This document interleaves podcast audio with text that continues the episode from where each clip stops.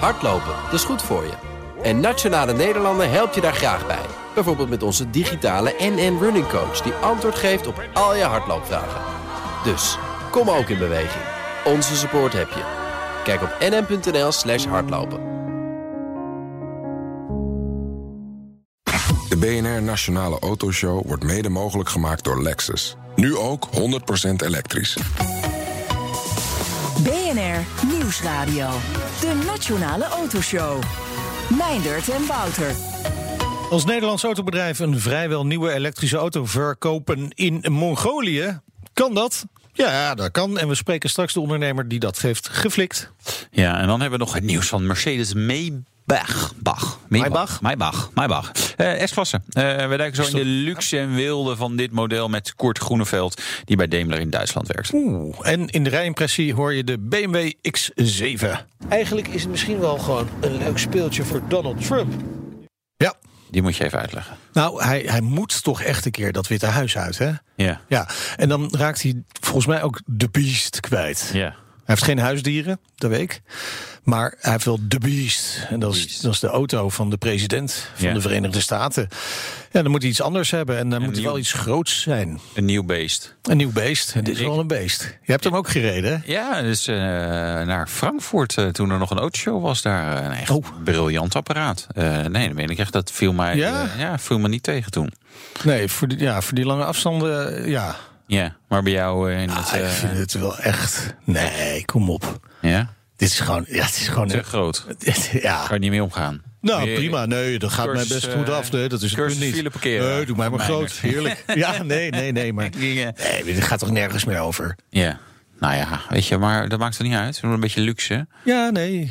Bedoel, we, we mogen straks niet meer vliegen. Want Nee, maar stel, eh, stel dat het.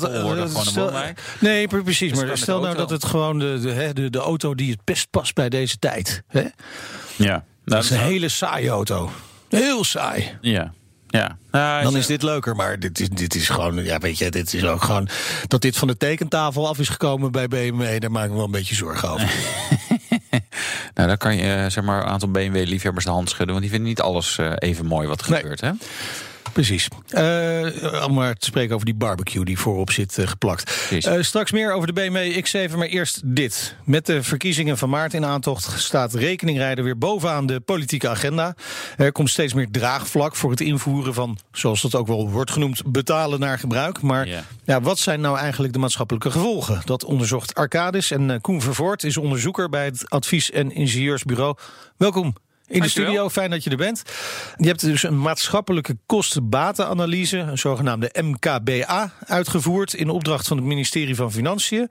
Het kabinet heeft vanaf begin af aan gezegd, dit huidige kabinet, hè, dus nog voor de verkiezingen, geen rekening rijden, alleen proeven ermee. Wa- waarom is dan toch dit onderzoek uitgevoerd? In het eh, klimaatakkoord eh, van de vorig jaar of het jaar daarvoor Ja. is, eh, is nagedacht over een, een reeks van maatregelen om onze klimaatdoelstellingen te halen. Daarbij is ook gesuggereerd van, eh, om toch weer eens gaan kijken naar een vorm van kilometerheffing. En daarbij is voorgesteld om drie varianten te gaan bekijken, die te analyseren, ook na te denken over de voorbereiding van een en ander. Allemaal met als doel om voor de aanstaande kabinetsformatie de informatie op tafel te hebben om daarover een besluit te nemen. Dus wat wij hebben gedaan en wat ook andere partijen hebben gedaan, is een aantal gegevens op een rij gezet, eh, effecten verkend, eh, allemaal met als doel eh, dat er na de verkiezingen een besluit kan worden genomen. Willen we hiermee doorgaan en zo ja, Ja. in welke vorm?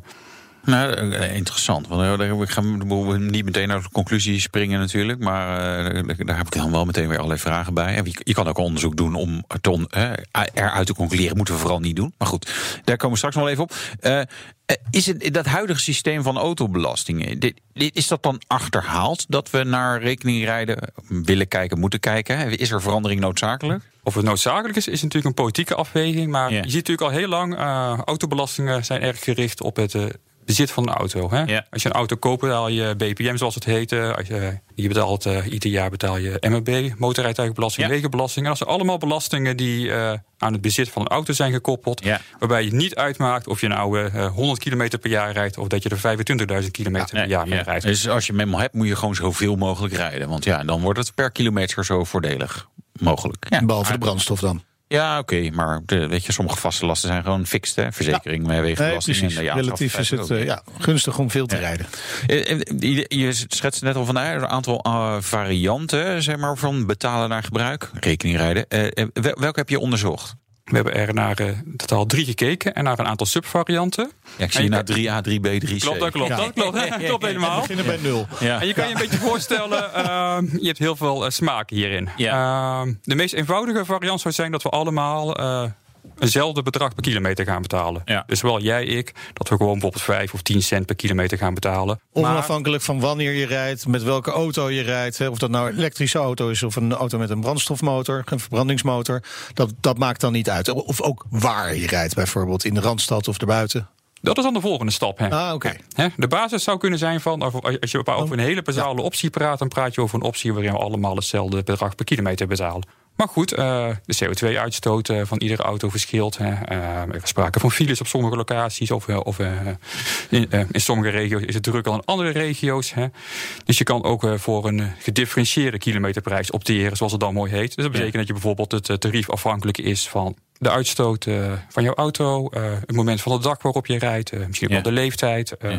nou, je kan bij wijze van spreken zo gek niet eh, verzinnen.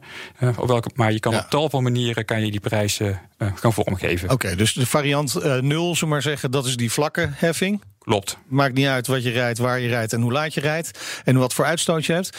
Eh, variant 1, Dan ga je afhankelijk van het tijdstip van de dag. Ga je een hoger of een lager tarief betalen. Eh, in de variant 1, of eigenlijk variant 2, zoals het dan heet in ons onderzoek. eh, eh, ga je hier in het westen, in de Randstad, ga je eh 25% meer betalen overdag. Buiten de Randstad ga je juist in de avond, de nachtelijke uren, 25% minder betalen. Dat is eigenlijk een hele eenvoudige wijze Ja. van, eh, eh, van bijvoorbeeld differentiëren de tijd. In die variant 3 dus jij rijdt voortaan dan terug via Arnhem naar Rotterdam. Ja, zoiets ja. Na de ja. Ja, krijg je wel dat soort effecten ga je natuurlijk wel krijgen. Dat, ja, ik kan wel beter gewoon omrijden, want dat is dan toch nog goedkoper. Ja. dat wordt leuk. Ja, eh, maar er was ook een variant, eh, die was ook naar voertuigemissies, maar wel speciaal voor EV's. Dat was eigenlijk best een bijzondere. Dat klopt. Eh, Je wat- kan- le- leg hem eens uit wat het is en, en waarom wat, die wat het is. is. Wat het is. Ehm, ja, behalve dat je naar het tijdstip of naar emissie of zo eh, kan gaan differentiëren, kan je ook, kan je ook stellen van eh, naar eh, bijvoorbeeld de brandstofsoort van een auto Ja. te gaan differentiëren. En bij EV's is eigenlijk vaak het verhaal bij elektrische auto's van die betalen momenteel natuurlijk niet zo heel veel belasting. Nee. Dat gaat de komende jaren wordt dat, gaat het wel veranderen. Ze gaan, eh, echt wel, ze gaan, ze gaan wat BPM betalen. De motorrijtuigenbelasting gaat omhoog. Maar Ja. het beeld is af en toe wel een beetje bij eh, heel veel eh, partijen van... als we allemaal elektrisch gaan rijden, eh, Ja. dan is dat eh, slecht voor onze schatkist. Dan Ja. loopt de overheid veel inkomsten mis. Want Ja. geen accijns. Ja, want geen accijns. Ja. Ja. Ze, betalen Maar, energie- ze betalen wel een vorm van belasting. De energiebelasting bij het opladen. Maar dat is, eh, eh, als je dat gaat afzetten tegenover de accijns... eh, is dat maar een heel beperkt eh, bedrag. Ja. Ja, maar ja, doordat dan het klimaat gered is, hebben we geen dijkbewaking meer nodig en zo, toch? Oh, Dus dat- bespaar ons heel veel geld, ja, bedoel je? Ja, precies. Ja. Oké, nee, maar andere discussie. Maar op zich, we hebben juist nu een enorme stimulering op EV's. En dan vervolgens zeggen, ah, maar ja, ja, goed idee. Misschien moeten we EV, EV-rekening rijden invoeren. Dat is best een. Ik snap de stap, maar hij is toch ook raar. Of, of vind jij dat je, nou ja, ik snap hem wel. Ik kan begrijpen dat je in ieder geval wil onderzoeken hem. Ja, ja oké. Ehm, Nee, dat is, dat dus, is ook zo. ja. ehm, Hoe doe je zo'n kosten-batenanalyse? hè? Want dat, dat, dat was de MKBA, wat was het nou? Een Maatschappelijke kostenbatenanalyse, heel mooi. Waar, waar kijk je dan allemaal naar? In een eh, MKBA probeer je eigenlijk het totaalplaatje aan eh, effecten van zo'n maatregel eh, in kaart te brengen. En dat af te zetten tegenover wat het vraagt om het in te voeren. Ja. Dus wat wij in de studie hebben gedaan, nou, er is een bepaalde eh, invoer, nee, eh, eh, de invoering van een systeem, dat, kost een bepaald bedrag. Je moet het systeem onderhouden. Ja. Daarnaast staan effecten op de bereikbaarheid, op, op de doorstroming op de weg tegenover. Ja. Je ziet dat het milieu er effect van ondervindt, de economie. Ja. En wat je probeert in een MKBA is volgens allerlei vastgestelde regels al die effecten in kaart te brengen. En je probeert ze allemaal in euro's uit te drukken. Ja. Zodat je je effecten kan afzetten tegenover de kosten van een systeem. En op die manier uh, eigenlijk een oordeel kan vellen over, uh, ja. over uh, de haalbaarheid, de wenselijkheid, beter gezegd, van zo'n idee. Dus soms best cru natuurlijk om een soort van terug te rekenen naar euro's. Terwijl het soms, hè, luchtvervuiling is ook mensenlevens en kwaliteit ja. van leven. Maar, ja, maar het je, gebeurt dus in de gezondheidszorg ja, ook. Hè? nee, ook dus het, het, het, ja, het, het, moet. Hè. Dus, dus als, ja, als we dan even kijken naar die, die varianten, dan laat ik ze toch nog even alle zes noemen. Hè? Want één variant is vlakke heffing, de andere alleen EV. Dan differentiatie naar tijd en plaats, differentiatie naar voertuigemissies, differentiatie naar voertuigemissies en naar tijd en plaats. En dan tot slot nog differentiatie naar voertuigemissies en heffing op drukke locaties in de spits. Dat zijn de, de zes varianten. Klopt. En daar, daar is dus van al die varianten een kostenbaatanalyse gemaakt. Nou zijn er duidelijke voordelen te noemen. Dat zei je op het begin al. Hè? Grote voordelen, misschien ook wel grote nadelen. Uh, laten we eerst even kijken naar de belangrijkste voordelen. Welke zijn dat? Wat je ziet eigenlijk van dit, van dit plan is dat als het wordt doorgevoerd, dat mensen veel meer gaan nadenken: wil ik wel met de auto gaan reizen? En dat leidt er toe in de uitgevoerde verkeer- en vervoeranalyses dat er uh, veel minder autoritten worden gemaakt. Oké. Okay. Nou, dat betekent uh, allereerst uh, dat de, de files in Nederland die gaan drastisch. Die gaan drastisch. Files, ja. ja, ja, ja, ja. Nee, goed, ga verder. Ga nee, verder. nee, klopt, dat klopt. En we zijn misschien, uh, misschien ook uh, ter verduidelijking uh, wat er de hele coronasituatie. Nee, precies. die is, dus... in deze studie buiten beschouwing ja. gebleven. Dat was, nog, dat was nog onmogelijk om dat in deze studie in te passen. Nee, dus ja. we zijn eigenlijk nog uitgegaan van een situatie die begin dit ja, jaar werd en, verwacht. En dat weten we ook nog niet, hè? Of, of die files weer echt helemaal zo terug zullen keren. Of dat er een andere variant. Dus we moeten het eigenlijk gewoon even met deze, deze gegevens doen. Klopt. Sterke afname van files dus. Een sterke afname van emissies. er wordt, er wordt beduidend minder CO2 uitgestoten. Uh, minder, minder fijnstof. Natuurlijk neemt de, de geluidshinder van het verkeer neemt af. Dus alles wat wij aan hinder van het verkeer ervaren, dat neemt drastisch af. Je ziet dus ook luchtkwaliteit wordt beter. Kwaliteit van de leefomgeving zou je kunnen zeggen wordt ja. ook beter. Klopt. Je ziet dat uh, het aantal verkeersongevallen en de schade die, die daarmee gepaard gaat uh, drastisch afneemt. Ja, maar koekoek inderdaad. Ja, als we niet meer auto rijden, dan hebben we geen ongelukken meer. Nee, klopt. Ja. Maar, ja. het is ook maatschappelijke schade, hè? Ja, ja nee, nee, dat, dat, dat is wel waar. Ja. Dat is wel waar. Ja. En, en wat je denk ik ook wel ziet, is, en dat wat je in de studie ook ziet, uh, ook uh, buitenlands uh, verkeer, dus uh, of ja. bezig buitenlandse kentekens, die gaan ook vanaf nu betalen voor het gebruik van de wegen ja. in Nederland. Oh, ja. Hè? ja. Nou, dat, ja, en dat, en dat mag omdat Nederlanders zelf er ook voor moeten betalen. Hè? Want in Duitsland is het nog ook geprobeerd om alleen buitenlanders te laten betalen voor het gebruik van de wegen. Maar dat werd door de Europese Commissie afgesabeld. Dat mag niet. De, deze variant zou dus wel mogen, als het maar voor iedereen geldt. Voor zover ik weet wel. Ja. Als, inderdaad, als voor iedereen geldt, mag je het uh, op alle weggebruikers uh, toepassen. Uh, dit zijn de, de, de, positieve effecten. Zie je dat bij alle varianten terugkomen? Al die zes versies zeg maar, die je hebt onderzocht? Jawel, jawel. Die zie je ja. alle varianten terugkomen. Je ziet wel dat sommige varianten meer of, meer of wat minder effecten hebben. Ja. wat je kan voorstellen is als je een de, uh, de kilometerprijs naar CO2. Als je die afhankelijk maakt van de hoeveelheid CO2-uitstoot, kan je ja. de CO2-uitstoot ook verder uh, terugdringen. Ja. Uh, als je gaat heffen op drukke locaties of locaties met veel files, hè, kan, je ook, ja. kan je ook de files wat meer terugdringen. Dus het is ook een beetje afhankelijk van de exacte vormgeving van een variant, maar het maar het beeld overal zie je voor al uh, deze varianten. Ja. Uh, op CO2 trigger ik nog even op. Want uh, ja, logisch. Maar wat volgens mij een, een, een schadelijk effect kan zijn dan... is dat je wie rijden er in, in zeg maar, veel CO2-uitstotende auto's. Zeg maar aan de ene kant zeg maar, de miljonair in een Ferrari. En aan de andere kant zeg maar, degene die net is begonnen met werken... of niet zo heel veel verdient in een oudere auto... die ja. gewoon hogere CO2-uitstoot heeft. Dus dat is wel... Het wordt een soort een privilege om dan met je... Met je dure elektrische auto's, doe even tussen aanhalingstekens, dat zien de luisteraars niet, maar uh, lekker rond te kunnen rijden en dan niet zoveel te betalen. En voor iemand anders die, die niet een elektrische auto kan betalen, is, is dit wel blokkeerd, zeg maar wel. Ja, natuurlijk wel afhankelijk van uh, de uh, ja. van de hele specifieke varianten. Hè? Ja, oké. Ja. Okay, okay. uh, la laten we even nader op die nadelen, want die hebben jullie ook gevonden. Welke nadelen zijn er? Nadelen hebt, of, of dan eh, zeg, maar, zeg maar meer de maatschappelijke kosten, zoals wij dat noemen, zijn. eh, nou ja, je moet, natuurlijk, eh, je moet een nieuw systeem gaan invoeren. Hè? Eh, de huidige belastingen worden op een bepaalde manier geïnd. Hè? Je zal hiervoor een nieuw systeem moeten gaan inrichten, een nieuwe Ja. projectorganisatie. Ja. Maar met toeslagen is dat ook heel goed gegaan. dus dit zal ook wel goed gaan. het zal. eh, het zal. eh, Geen commentaar. Nee. Er zal een wetsvoorstel moeten worden opgesteld door de Kamer gaan. En wat ook behoorlijk wat investeringen vraagt. hè. wij, in alle auto's dient een soort kastje te worden ingebouwd. Heet dan een zogeheten heet een onboard unit. Ja.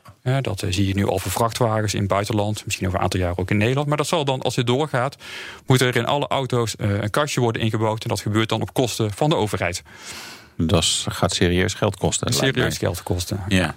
Het, het verhaal van Wouter, hè, dat, dat voor sommige eh, mensen het, het autorijden gewoon nou, nauwelijks betaalbaar wordt of minder betaalbaar wordt. En geremd wordt dus in de mobiliteit. Zijn jullie dat ook tegengekomen in het rapport? Klopt, dat zie je ook. Als gevolg van dit concept wordt het eh, gebruik van de auto duurder. Hè? Dus wordt het eh, duurder eh, om je te verplaatsen. En zie je ook dat er een grote groep van autobezitters is die eh, besluit om eh, de auto minder te gebruiken dan wel zelfs af te zien van een autorit. Ja. Nou, dat noemen wij vraaguitval. Ja. Dat is een heel groot negatief welvaartseffect eh, in, in onze analyses. Ja. Waarom is dat een negatief welvaart-? Want degenen Ja. die wel rijden, die kunnen lekker doorrijden. Dat is geen file. Maar Ja, dat klopt. Dat klopt. Nee. Je, hebt eigenlijk, je, hebt, je, hebt, je hebt eigenlijk twee groepen. Hè? Eh, Ja. Nee. Misschien voorafgaand, eh, op zich verplaats je je niet voor de lol. Je gaat niet Nee. voor de lol eigenlijk in de auto zitten. Nou, Ja, in de zin van, nee, ja. je gaat in de auto zitten omdat jij van A naar B wil. Dan, omdat, je omdat je naar je werk wil, of voor een zakelijke verplaatsing, of naar familie. ja. Dus dat doe je eh, niet zomaar, eh, maar om daar een bepaald doel mee te bereiken. Dan maakt het nogal wat uit wat het doel is. Ja. En hoeveel je daarvoor voor over hebt. Bij bijvoorbeeld eh woon-werkverkeer of zakelijke verplaatsing kan je je voorstellen van eh, die zijn extreem belangrijk. Dan heb ik de kosten van zo'n heffing ervoor over. Bovendien profiteer ik van een betere doorstroming. Aan de andere kant heb je, eh, denk het voorbeeld wat je zojuist schetste, je hebt misschien een wat lager inkomen. Hè? Eh, de auto rijden vind je al duur, is ook al gewoon duur. Die kosten die erbij komen, die remmen jou in je mobiliteit. En Ja. voor die groep van eh, autobezitters is het eh, concept een achteruitgang. Zij zullen minder gaan reizen, minder gaan verplaatsen. En omdat je dat verplaatsen doet, omdat je naar eh, je werk wil, eh, Ja. omdat je naar je familie op bezoek wil, dat gaat dan niet meer of gaat minder. eh, en dat is een maatschappelijke schade. En ik kan me ook voorstellen dat je. stel, ja, je kan een leuke nieuwe baan. Maar ja, het is wel even een eentje rijden. Normaal zou je ook al denken: goh, het kost me geld om te verplaatsen. Ik heb file. Maar als daar ook nog zeg maar een paar tientjes iedere rit bij komen aan spitsheffing, verrekeningrijden, we noemen het allemaal op. Dat, dat het ook wel de mobiliteit, zeg maar arbeidsmobiliteit, zeg maar, hindert. Dat je gewoon denkt: ja, maar dat ga ik gewoon niet doen. Want daar, ja, dat, dat kost me te veel.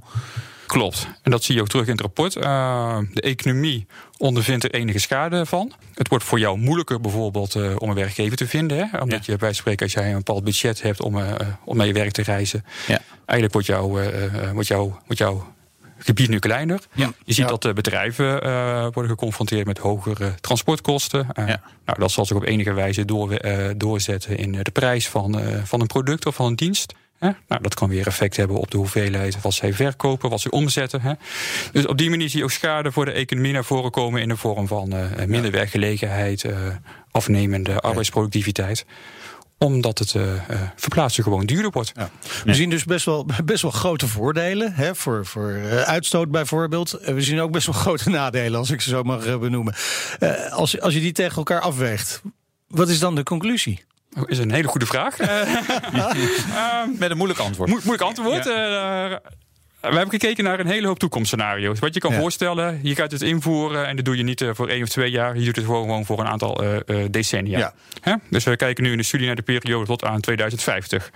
Nou, en de toekomst is voor de komende twee jaar, twee, drie jaar vooruit, is eh, behoorlijk helder. Hè? Ja. Tenminste, even afgezien van corona. Precies, ja. Uh, maar op lange termijn wordt die onzeker.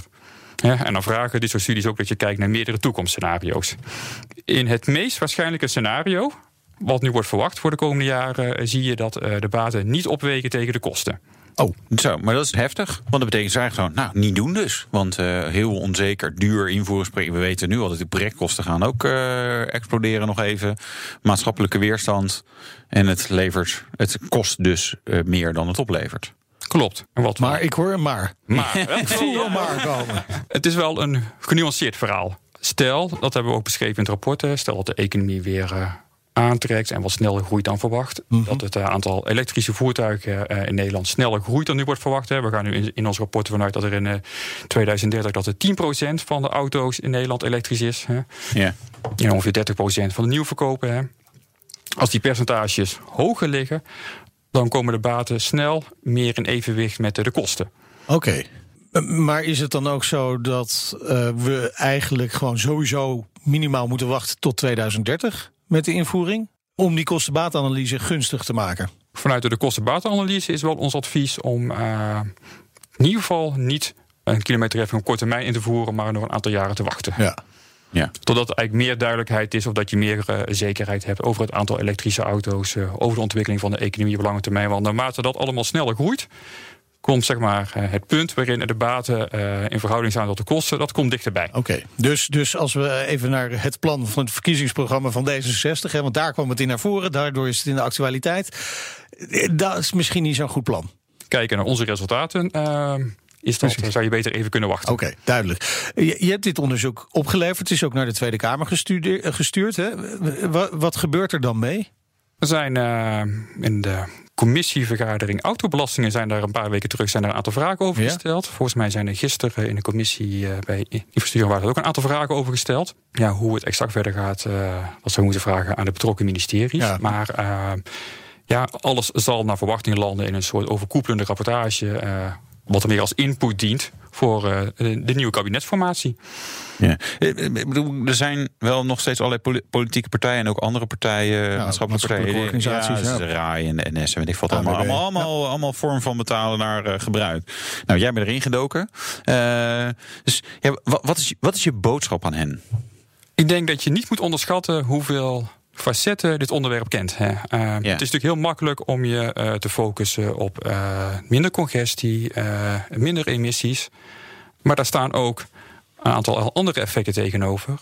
En als je kijkt naar aan hoeveel manieren je zo'n prijs kan invoeren, je kan nog met de hoogte van het, van het tarief eh, variëren.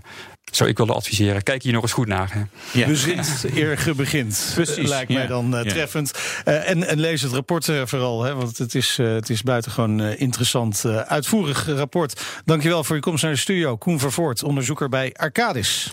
Ja, en zometeen eh Martijn Duivenvoorde van Lease Bijtelling Vriendelijk. Hij heet overhuren al die elektrische auto's eh, die nog even ja, de, de weg op moeten, want de bijtelling gaat weer om, omhoog.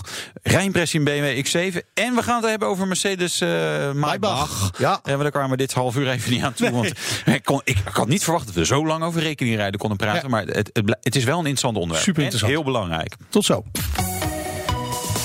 BNR Nieuwsradio. De Nationale Autoshow. Meindert en Wouter. Groter, groter, grootst BMW X7 mag je met recht eh, een bakbeest noemen. Straks een uitgebreide reportage, Wouter. In de grootste SUV. rondleiding, toch? Een rondleiding, rondleiding. in de X7. Ja, nou, we hebben, we hebben niet alle zalen kunnen behandelen van de ja, BMW dat X7. doen we nog volgende week gaan we verder. Daarmee, ja, toch? precies. Maar eh, eerst Ja, eh, andere Jukel. Ja, ja, we hebben alleen maar joekels hier. Ja. Eh, de Maybach variant van de S-klasse is gepresenteerd. Eh, volgens Kort Groeneveld, Head of Global Product and Technology Communication bij Daimler... is dit de meest luxe Mercedes die je op dit moment kunt krijgen. En dat gaat ook best wel ver. Ja, dat gaat heel erg ver. Dat gaat hè, het begin van de bui- buitenkant. Hij is punt, punt 1 langer, hè, 18 centimeter langere wielbasis. Compleet ten gunste van de mensen achterin. Het is natuurlijk een chauffeursauto. De kleuren, je kan deze auto in twee kleuren bestellen. Ehm, het is een heel eh, ja, uitvoerig proces. Er zit dan, een lijntje tussen die bijna met de hand wordt geschilderd. Ehm, dan ga je naar het interieur. Dan ga je kijken naar alle zeg maar, hele individuele vormgeving. Ook van de achterstoelen. Je kan achterin liggen bijna we spreken. Je hebt heel bijzonder hout, materiaal. Dus het gaat heel ver. En zelfs nog, een S-klasse is al stil. Maar een S-klasse Maybach is nog stiller.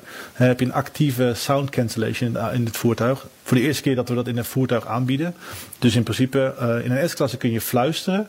Nou, in Maybach kun je heel stil zijn. Ja. En zeg je Maybach, dan zeg je ook een eh, V12-motor natuurlijk. Blok wordt eh, nog niet officieel bevestigd. Ja, slappe hap natuurlijk. Maar hoe kan dat, is de vraag aan Kort Groeneveld. dat is een beetje een eh, lastig verhaal. Het zijn voertuigen die gaan pas in Europa volgend jaar op de markt komen.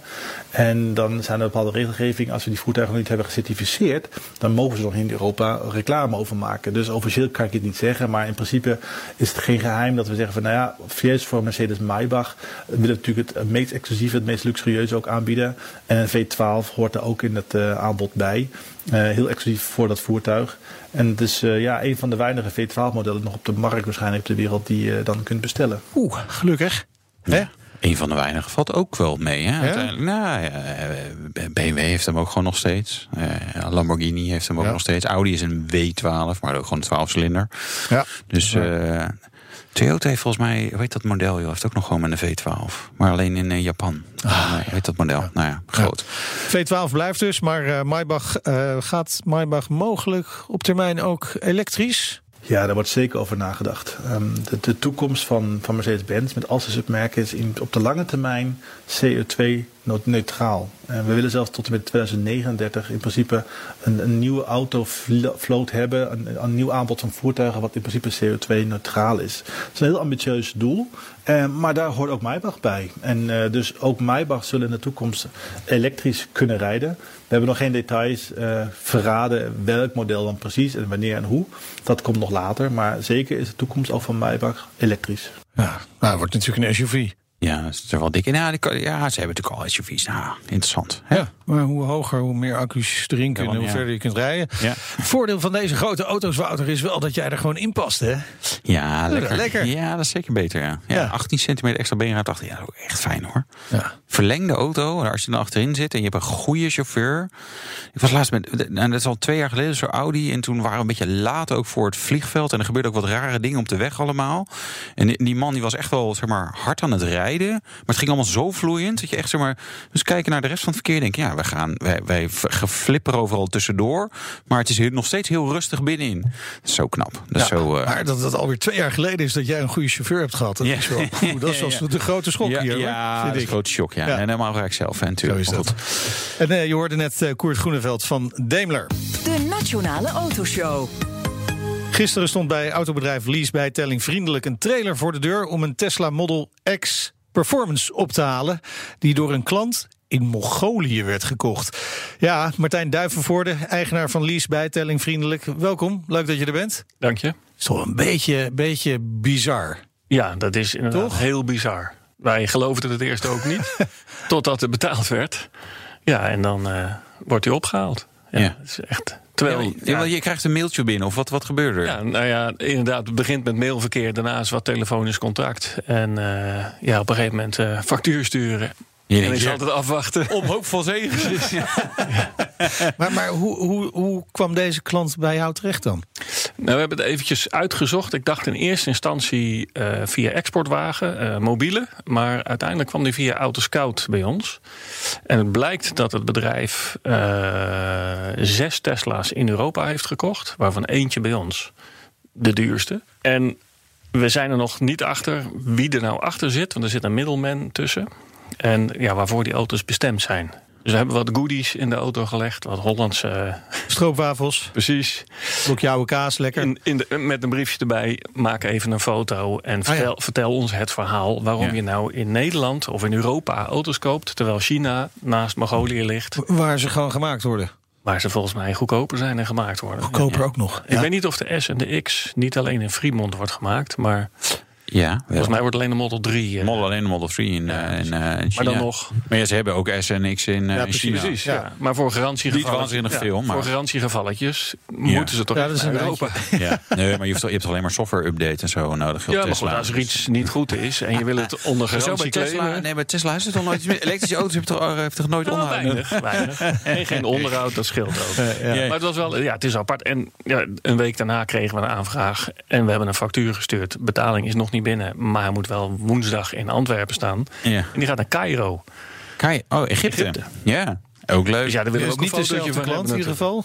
Het is een andere klant Het is een andere klant. Ja. Ja. En eh, ja, die komt ook via een, een internationaal eh, occasion-netwerk, Autoscout of mobiele, eh, bij ons terecht. Ja, Ja. best bizar. Ja, en er gaat ook een Model X naartoe. Niet zo'n hele dure, maar Is het, is het interessant voor jullie om internationaal te handelen in die auto's? Nou, dat, dat doen we al. We verkopen met enige regelmaat eh, auto's die fiscaal niet meer interessant zijn eh, eh, naar het buitenland.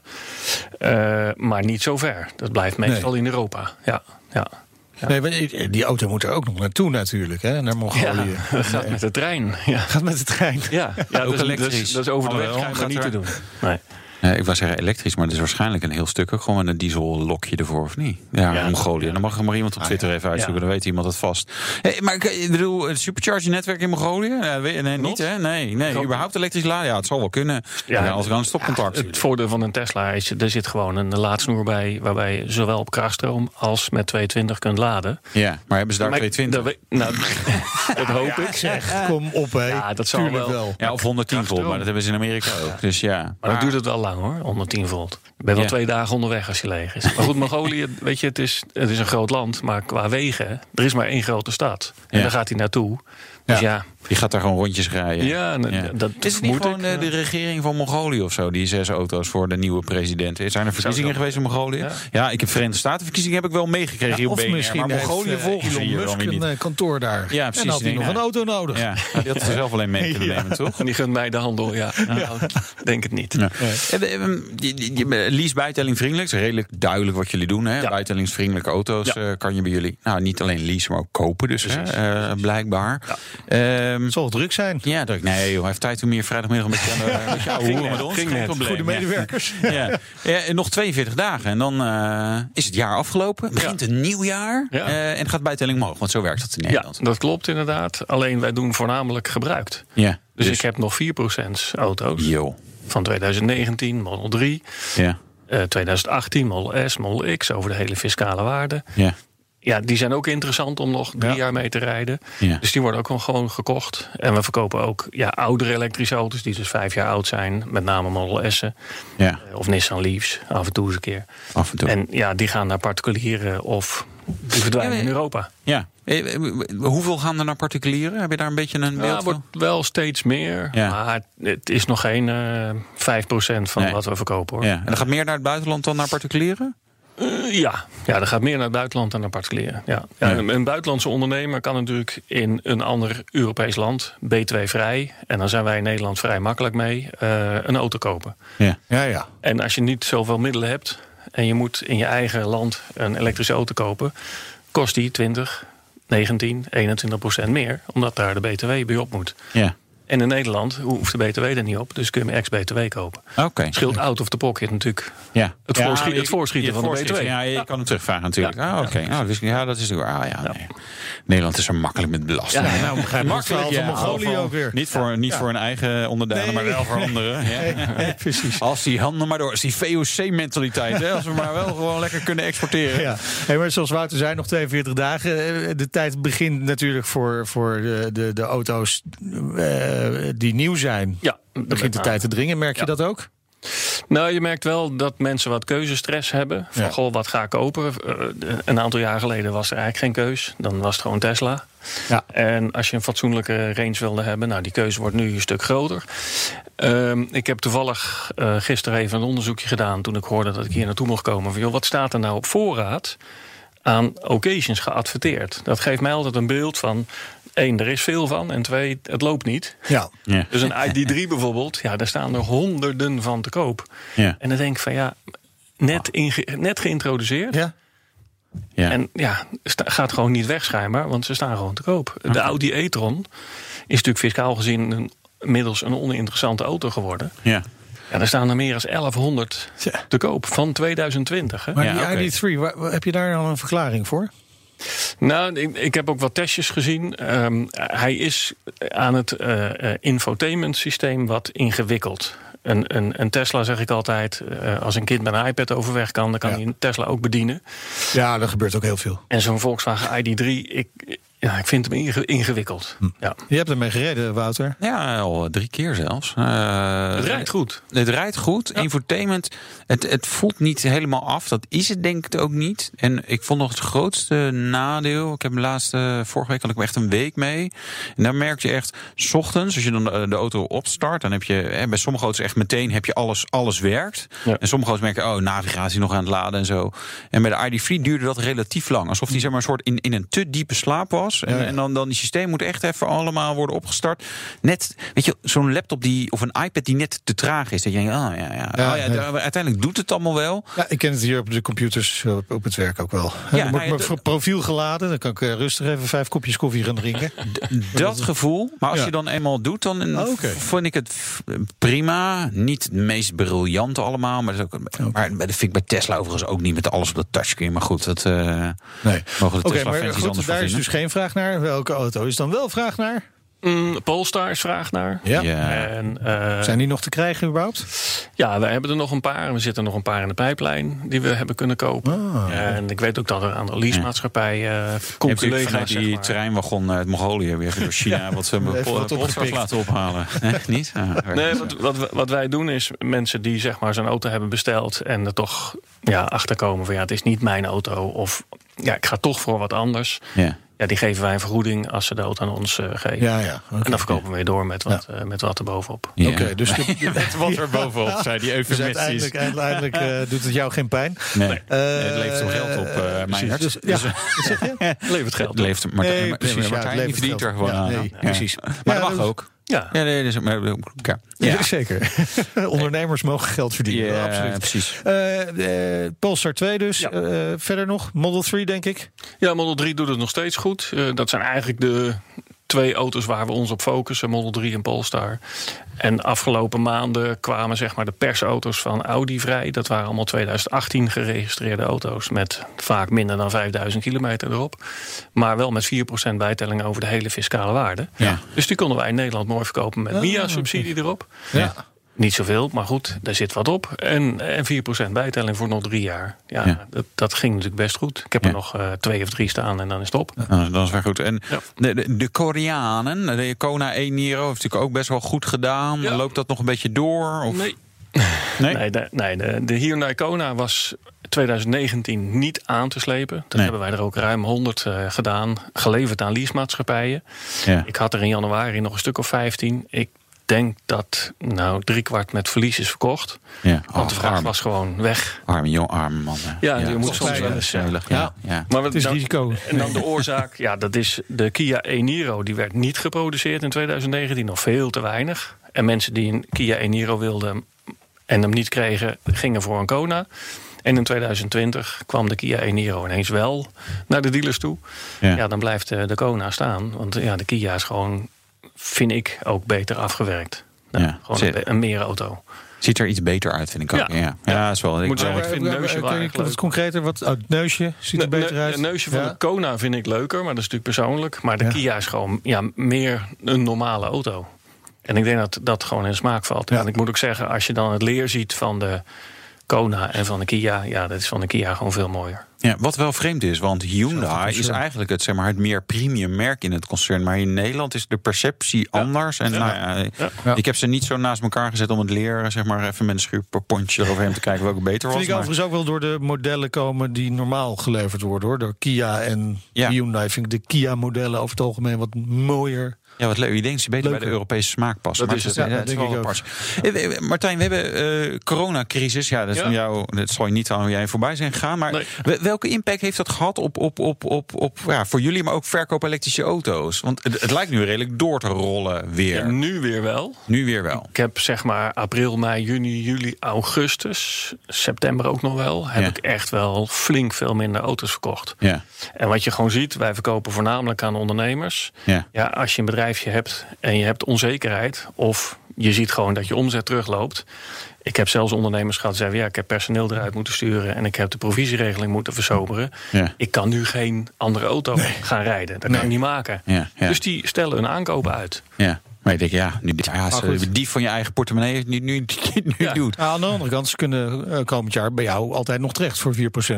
Ja, precies. Of voor 8% van een 2020 Ja. Polestar. Of 4% van een eh, Model, Model 3 of Model Ja. S. Kan altijd nog. Ja. Bl- Blijft dat aanbod bij jou wel komen? Ja. Ja? Ja, ja, op de een of andere manier, eh, omdat ik natuurlijk al sinds 2013 bezig ben, ja, blijven we eh, auto's krijgen. En eh, we hebben natuurlijk een heel groot bereik als het om Tesla gaat. Eh. Tesla doet nog steeds zelf heel weinig in gebruik. Sterker nog, de, de verkopers van Tesla. Eh, bij Tesla sturen klanten naar mij toe. Van, joh, ga maar naar Almere, want daar verkopen ze hem goed. Ja. Dus dat, ja, dat blijft gewoon. Ja. En jij zegt, hou zo. Goede Ja. strategie van Ja, Tesla. kom maar. Mooi. Heel veel succes ook in het eh, nieuwe jaar. En eh, je bent natuurlijk gewoon bereikbaar voor eh, mogelijke klanten. Dankjewel. Martijn Duivenvoorde, eigenaar van Lease Bijtelling Vriendelijk. Het autonieuws. Ja, Flitsmeister waarschuwt niet apart voor die nieuwe slimme camera's die de politie inzet tegen handheld telefoongebruik. Wel flitsers, maar dus niet die slimme camera's. Ik ben het daar wel mee eens, denk ik. Sommige mensen vinden dat vind juist weer hypocriet. Ja, wel een beetje, ja. Ja? Maar Jorn de Vries van Flits, maar ze weerlegt dat. In de basis snap ik dat, dat- die gedachtegang heel goed. Eh, als je er iets specifieker naar gaat kijken, denk ik dat tegelijkertijd iedereen ook zo eerlijk moet zijn naar zichzelf. Dat eh, een paar kilometer te hard rijden, want dat is waar het in de geval van Flitsmeister vaak om gaat. Dat kunnen we natuurlijk zien. Dat dat echt wel wat anders is dan eh, een paar seconden je ogen op je telefoon wenden. En, en dat is gewoon in het kader van afleiding en veiligheid gewoon een heel groot verschil. En dat is ook de reden waarom wij eh, deze keuze maken. Ja, Wouter. Ja, maar ja, je merkt dat zij zeg maar, ook soort opdrachtgevers hebben in, eh, bij de overheid. Dus het is een beetje, nee, ik vind het een boter op je hoofd hebben. Je moet gewoon waarschuwen voor verkeerscontroles. En, Ja. eh, Maar even, hè? als Ja. de gebruikers van Flitsmeister gewoon een flitspaal indienen. ja, dan gebruik je je telefoon.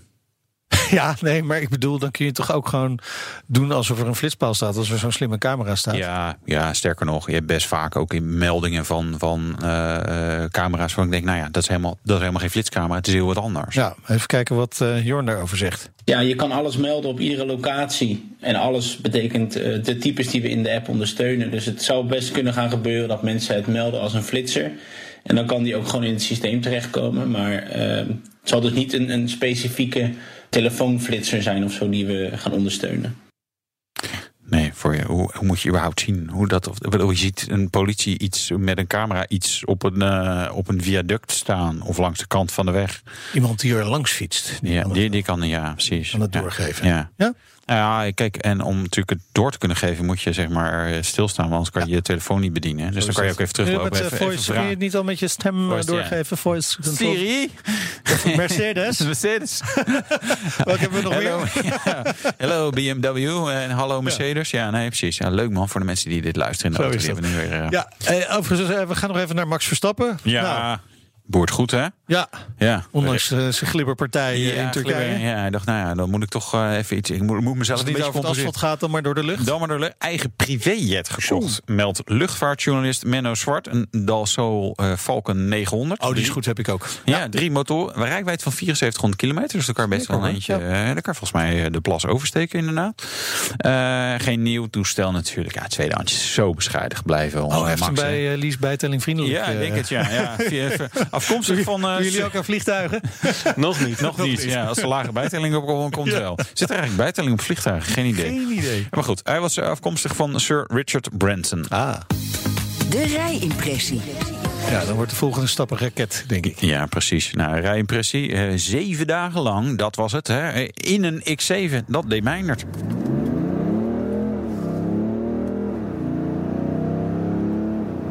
De BMW X7 is de grootste BMW ooit gemaakt. Ruim 5 meter lang, 2 meter breed, weegt om en nabij de 2500 kilo en mist werkelijk elke vorm van subtiliteit. Van buiten in elk geval. Alles is groot en lomp aan deze auto. Nou had BMW sowieso al de neiging om die bekende nieren wat groter te maken. Hoe groter het getal achter op de auto, hoe groter de nieren.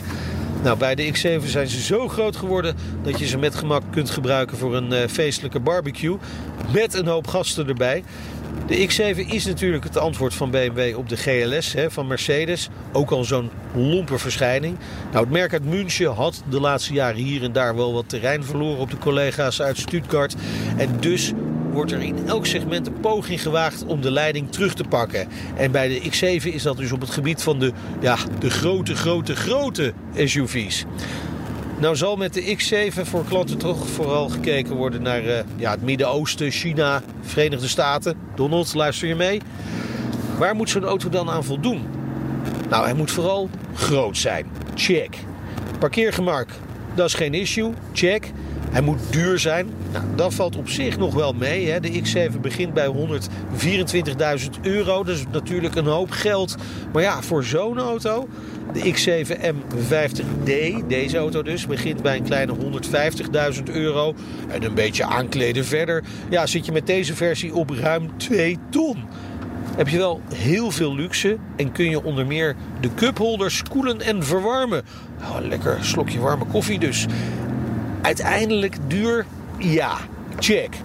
Nou, dan wil je ook nog wat uh, vermogen onder de kap. Wat dacht je van een uh, 3 liter 6 cilinder diesel met 8 traps automaat en 399 pk? Had die ene pk er nou nog bij gedaan, joh. Maar goed, check. Ook hier weer weinig subtiels. Hè. Van 0 tot 100 doet het monster in 5,4 seconden. En de top is ja, dan maar begrensd op 250 km per uur. Ongelooflijk snel ding. Heerlijk. Nou, we kregen thuis gewoon zin om uh, de lange latten in te laden en naar de bergen te knallen. Maar ja, dat gaat nu dus even niet. Maar die auto is wel echt gewoon geschikt voor die lange afstanden. Zet hem in de sportstand en hij blaast zo richting de eindbestemming. Hij heeft ook wat andere standen. Meest rustige is de Eco Pro modus. Volgens BMW kun je daarmee tot uh, wel 25% van de brandstof besparen. Maar het is wel een beetje ja, alsof je een olifant bij de lunch een kwart baaltje stroom minder laat eten. Maar ja, voor het rijden in de stad prima standje. Terreinrijden hoort natuurlijk ook tot de mogelijkheden. Hij kan een stukje omhoog of omlaag op de wielen, naar gelang je dat wenst. Maar ja, zoals zo vaak met dit soort auto's zal hij niet heel vaak in de modder te zien zijn. Maar het feit dat het kan, nou oké, check. Maar ja, je wil niet die mooie bumper eraf rijden natuurlijk in het terrein. Eigenlijk begin ik deze auto wel steeds beter te begrijpen. Sturen doet deze oversized SUV namelijk verrassend goed. Snelle bochten ja, zijn niet zijn favoriet. Natuurlijk niet. Dat had je ook niet echt verwacht, toch? Het blijft gewoon een lomp en groot geval. Maar ja, als je in een smal straatje terechtkomt, dan zitten er overal camera's rond de auto. Zo ook handig bij het inparkeren is dan eitje eigenlijk. En inparkeren kan de auto trouwens ook gewoon zelf terwijl jij buiten staat met de al even oversized sleutel in de hand. Eigenlijk is het misschien wel gewoon een leuk speeltje voor Donald Trump. Nu hij over een paar weken afscheid moet nemen van de Beast, hij gaat in ieder geval op één puntje nog een stapje vooruit. Ja, wel balen dat hij uit Europa komt natuurlijk, hè? want uh, Amerika, nou ja, laat ook maar. Ja, BMW X7. Te groot? Ja, ik vind hem te groot. Ja, nee, eigenlijk ook weer niet. Want ik, ik, na een week was ik het ook wel weer lekker gewend. En nou ja, is het wel fijn dat je al die ruimte hebt. Het hele hockeyteam van mijn zoon ging ongeveer mee. Ja, is toch en de X7 moet nog komen, hè, trouwens. X8. Uh, ja, bedoel ik, X8. Ja, ja. ja. of ze nog groter gaan. Ik, ja, ik, Misschien ja. hoger. Hoger, coupé-lijn. Ja, de, de ene oh, ja. allemaal coupé-lijn. Ja, misschien wordt het een uh, X7, maar dan uh, wat sportievere jeetje. lijn. Och jeetje. Ja, dan wordt helemaal wat. Toch? Jij zou hem wel willen hebben? Ik vond het een bijzonder fijne auto. Maar ah, ja, ik, aan een X5 heb ik denk ik ook wel. ja. En een X3 misschien ook wel, ja. Nee, maar ja, weet je, het, het vond wel. Ik, ik had toen zeg maar echt met, met zes zitplaatsen, dus twee aan twee aan twee. Ja, ja. Wel, ja, jeetje, dat is wel lekker. Ja, het is heel lekker. Ja, het is wel lekker. Ook Amerikaans die dan denken, ja, ik heb het eigenlijk niet nodig, maar ja, het kan. Omdat het kan. Omdat het kan. Hey, en omdat het kan, gaan we ook eindigen met de Nationale Autoshow van vandaag. Terugluisteren kan via de site, de app, Apple Podcast of Spotify. Ja, vergeet je niet te abonneren. En mijn naam is Wouter Karser. Ik ben Meijnerd Schut. Tot volgende week. De BNR Nationale Autoshow wordt mede mogelijk gemaakt door Lexus. Nu ook 100% elektrisch. Business Booster. Hey ondernemer, KPN heeft nu Business Boosters. Deals die jouw bedrijf echt vooruit helpen. Zoals nu, zakelijk tv en internet, inclusief narrowcasting... de eerste 9 maanden voor maar 30 euro per maand. Beleef het EK samen met je klanten in de hoogste kwaliteit. Kijk op kpn.com businessbooster. Business Booster.